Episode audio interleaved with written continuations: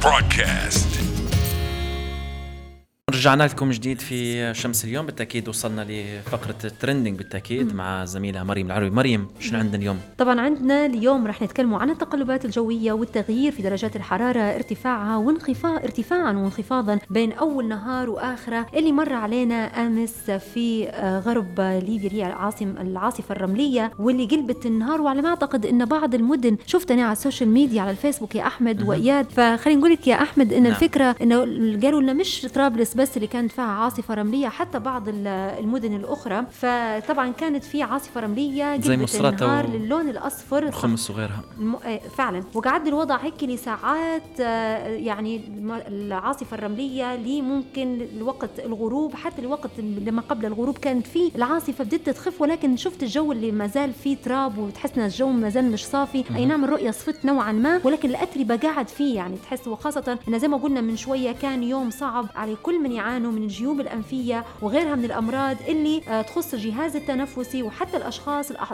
الصحاء آه، كانوا منزعجين جدا من هذا الموضوع. وأكيد بعد هذه المقدمة اللي إحنا ذكرناها حاليا في بعض الأضرار اللي ممكن تسببت فيها العواصف وبدت حاس إنها آه، أو في بعض الناس يحسوا إنه هو غضب من الله سبحانه وتعالى أو نقمة نقمة علينا. فخلونا نقول لكم إن هذا. بالعكس تماما إن العواصف الرملية دائما أو في بعض منها في زي ما فيها أضرار فيها فوائد وهذا اللي رح نعرفوه اليوم وحنسأله كيف وشن هي هذه الفوائد وباش نعرفوا الجواب هذا بعدين حيكون معنا ضيف في هذه الفقرة. مريم بالتأكيد آه، وأيضا صفحة الاتحاد الأوروبي في ليبيا الصفحة الرسمية. نشرت أمس منشور عن الموضوع هذا.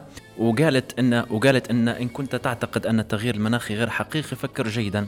بالتأكيد تو وصلنا ربما مريم لفقره الضيف ونرحبوا أيضا مستمعينا الكرام مستمعي راديو ناس 104.5 في شمس اليوم. بالتأكيد كما عودناكم في فقرة trending بالتأكيد نرحبوا بضيف اليوم والأستاذ الدكتور هو نوري. محمد فلو مدير إدارة علوم الأرض بشركة نفوسة للعمليات النفطية وأيضا استشاري وأكاديمي جيولوجي ومندوب ليبيا بمشروع الحدائق الجيولوجية بمنظمة اليونسكو. أستاذ نوري محمد فلو نرحبوا بك في برنامج شمس اليوم وظهيرة طيبة لك تو ضيف الحلقة. طيبة لكافة مستمعين قناة الناس ونتمنى لكم دوام الصحة والعافية وإن شاء الله دائما ناضجة تصل لكل بيت وتدخل لكل بيت بدون استئذان إن شاء الله من أجل شكرا لك دكتور نوري. شكرا لك وإحنا نرحبوا بيك طبعا. آه، دكتور نوري إحنا شفنا أمس التقلبات اللي صارت فجأة وبشكل مفاجئ وكيف تغير الجو وشفنا حتى مواقع التواصل الاجتماعي وتعليقات رواد مواقع التواصل الاجتماعي على إن هذا يوم ما شفناش إلا اليوم الاخضر إلا اليوم وبعض الكلمات اللي كانوا وكأنهم مستائين جدا من هذا الجو اللي صار آمس. ولكن إحنا نبغى نعرفوا اليوم فوائد وأضرار هذه العاصفة لأن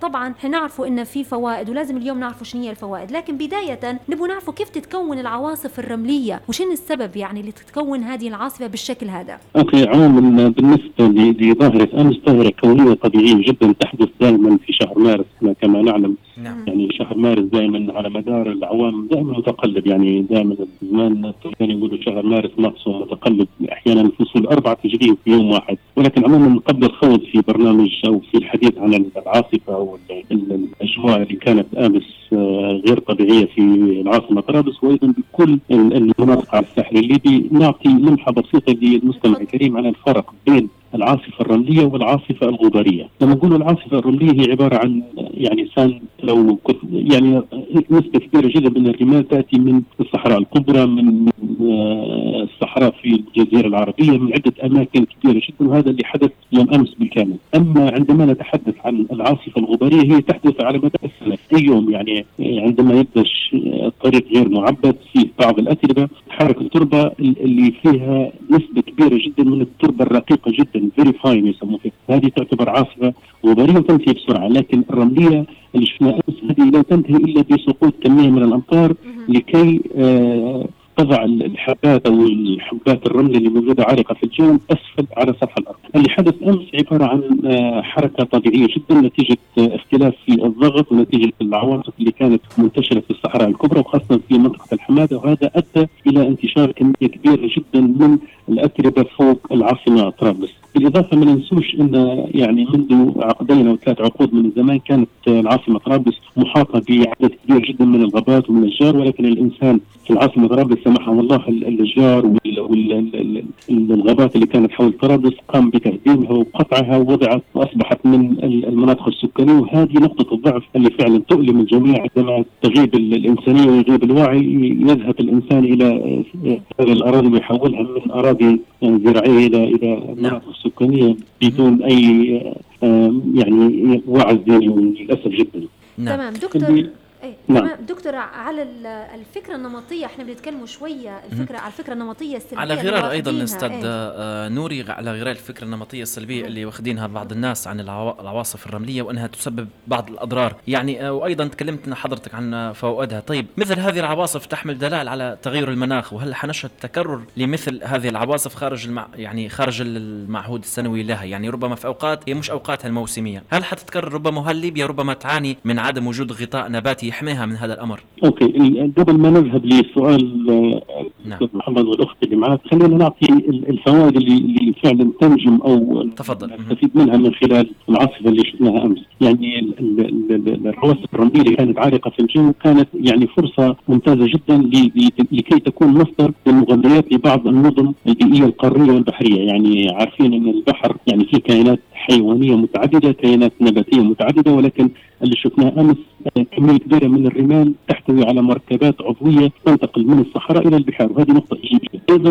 الغبار الصحراوي اللي شفناه أمس يعتبر نعم. يعني يغذي الغابات اللي موجودة أيضا في دول ثانية في غابات الأمازون وتنطلق لدول أوروبية يعني من من 10 أيام بالضبط.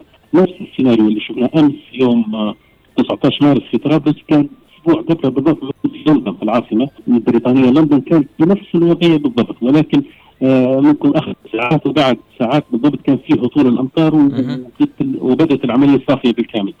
أيضا ما ننسوش إن الغبار اللي شفنا أمس فيه لون كبير جدا محمر لون أحمر جدا وهذا دليل قاطع على أن الغبار هذا غني بمادة الحديديك والحديدوز. والفسفور وهذا يعتبر من الأشياء المهمة للكائنات البحرية وهذا يستفيد منها الكائنات البحرية وما يدل على أن هنالك فيه استفادة كبيرة جدا. أيضا ما ننسوش إن كما نعلم من شهر ديسمبر 2019 كان موجود على الكرة الأرضية كوفيد 19 أو أو الكورونا اللي فعلا سبب تربكة اقتصادية سياسية اجتماعية في كل بقاع العالم. نعم.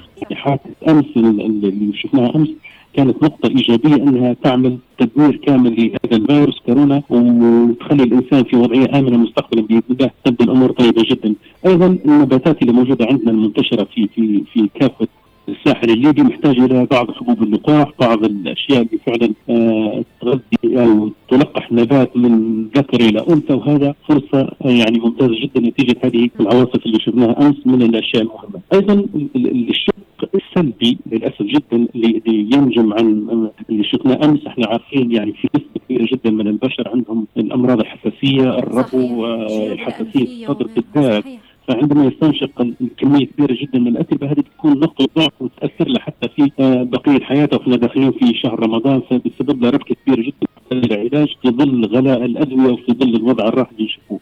هو المفروض إن في في الوقت هذا المفروض الأفضل اللي يعاني من أمراض زي الجيوب الأنفية أو في الجهاز التنفسي إنه يبقى في البيت أفضل من إنه يطلع في الأجواء هذه. والله شوفي يا أستاذة أنا امبارح كنت على تواصل مع أحد الأصدقاء رغم إنه قعد في البيت وما طلعش ولكن الحبيبات الرقيقة جدا دخلت من النوافذ بطريقة غير مباشره صحيح. صحيح. بس على الأقل الضرر حيكون أقل يعني حتى لو إن كان في ضرر حيكون أقل. تم استنشاقها وقعدت في وضعية حرجة جدا.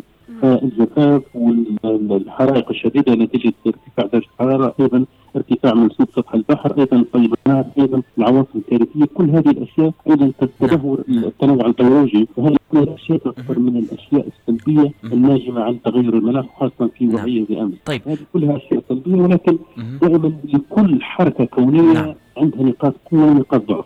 صحيح نعم. صحيح. طيب دكتور نور يعني في ذات السياق ربما نسمع من وقت لآخر عن أخبار متضاربة بين إن ليبيا من بين الدول المهددة بشح المياه وأخبار ثانية تقول إن مخزون ليبيا من المياه لا ينذر بأي تهديد لأعوام يعني طويلة وعقود آه، جاية. بين الخبرين دكتور نوري وأنت كده أدرى بهذا الشأن أين الحقيقة يعني من الخبرين اللي قريتهم لحضرتك شوف أستاذ محمد عملية المياه الجوفيه إحنا عارفين دائما المدخول بيساوي المدخلات تساوي المخرجات، إحنا للأسف جدا لو نلاحظ ممكن ثلاث أربع سنوات ماضية لم تكن هنالك أمطار غزيرة جدا جدا لكي تغذي ال aquifer الموجوده عندنا في المياه الجوفية. مما سبب ربكة كبيرة ونقص في المياه الجوفية، هذه النقطة الأولى أو الشق الأول، الشق الثاني للأسف جدا لو نلاحظوا بدأت عملية حفر ابار المياه عشوائية يعني ما بين كل بير وبير فيه بير، يعني قبل باش أنت باش تحفر بير لازم تحصل ترخيص من الشرطة الزراعية وعدة إجراءات يعني إدارية يمر بها المواطن، حاليا المواطن المنطقة نفسه يجيب حفارة ويبدأ يحفر قدام بيته يعني استهلاك الجوفيه بطريقة كبيرة جدا، أيضا ما ننسوش المياه الصرف الصحي والديارات وتداخل المياه الجوفية مع هذه المياه مما يسبب تلوث المياه الجوفية وهذا يعتبر من أكبر الكوارث اللي نعاني منها خاصة في ضواحي مدينة طرابلس، في ضواحي مدينة طرابلس أحيانا تجد مياه أبار من المياه الجوفية القديمة المحفوظة في الستينات حاليا الأهالي يستعملوا فيه كنقطه تجمع لمياه الصرف الصحي وهذه من أكبر الكوارث ونعالجوا فيها مع الإخوة في الهيئة العامة للبيئة مع عدة جهات وسبب لنا ربكه كبيره جدا. نتيجة شيء رقم واحد. عدم الوعي وهذه تعتبر كارثة كبيرة جدا. طبعا. رقم اثنين الميديا الإعلام مقصر جدا. أنا ما بديش لكم أنتم ولكن الإعلام المفروض يكرس وقته من أجل توصيل الرسالة التوعوية للمواطن البسيط اللي فعلا عنده فجوة كبيرة جدا في آلية أو الطريقة المفروض يتعامل فيها مع المياه، لأن قطرة المياه حاليا نعم. تستنزف بكمية كبيرة جدا ولكن مردودها ناقص جدا، إحنا. نلاحظ خلال هذه السنة 2021 2022 نعم. المياه الأمطار ناقصه جدا وخاصة في المنطقة الجبلية، نعم يعني للأسف جدا طيب آه، المفترض أن تكون نسبة المياه توصل حتى ل 200 ملم في السنة ولكن للأسف جزيل ممكن أكثر شيء نعم. 56 ملم وهذا يعتبر من الأشياء نقاط الضعف اللي يمر بها الفريق الثاني في دولة ليبيا بل في شمال أفريقيا بالكامل. نعم الأستاذ الدكتور يعني نوري محمد فلو نحن يعني في شمس اليوم سعداء جدا بكل الإضافات اللي قدمتها. حضرتك حضرتك وعلى الصعيد الشخصي استفدت هلبة من النقاط اللي شرحتها وذكرتها وبالتأكيد نشكرك على كل هذه الإضافات. لكن ممكن نختم المداخله هذه ببعض النصائح ريت. قائدين المركبات والأخوة المدنيين الموجودين في الشارع داخل. العاصمة طرابلس، أول شيء عند القيادة في في في في ظروف غير صحيه زي أمس المفروض تكون قياده السيارة بسرعة كبيرة جدا هذه مهمة جدا، أيضا التأكد من سلامه الأضواء الأمامية لأن عارف أنت درجة ال- الأتربة والغبار كانت قوية جدا يوم امس كل الناس تتحرك بإضاءة السيارات، نعم. إغلاق النوافذ زي ما قلنا وكلمه الاخت من شوية للحساسية والصدر اللي يدور كثير جدا، أيضا التأكد من نظافة زجاج السيارة الأمامي هذا مهم جدا، وأيضا البحث عن الطرق التي لا توجد فيها أشجار لأن أحيانا في الرياح القوية مرات هطول أو سقوط الأشجار في الطرقات مما صحيح، يسبب. ربكة كبيرة جدا، فهذه ممكن من الأشياء الأساسية. كل مستمع على دراية بالنقاط ولكن نحب نضع اليد على الجرح لتوعيه المواطن إن شاء الله. نسأل السلامة إن شاء الله للجميع يا رب العالمين خاصة أن في بعض من المواطنين تسببوا أمس صحيح. أو تعرضوا أمس لأضرار بسبب ال- الأجواء اللي صارت أكيد. المناخ اللي صار فنشكرك جدا على أستاذ تواصلك نوري معنا. محمد فلو شكرا لك شكراً ليك. بالتأكيد نشكرك هلبة على كل هذه الاضافات مح- مدير إدارة علوم الأرض بشركة نفوسه للعمليات النفطية وأيضا استشاري وأكاديمي جيولوجي ومندوب ليبيا بمشروع الحدائق الجيولوجية بمنظمة اليونسكو شكرا لك وبارك الله فيك على وجودك. معنا اليوم. شكرا.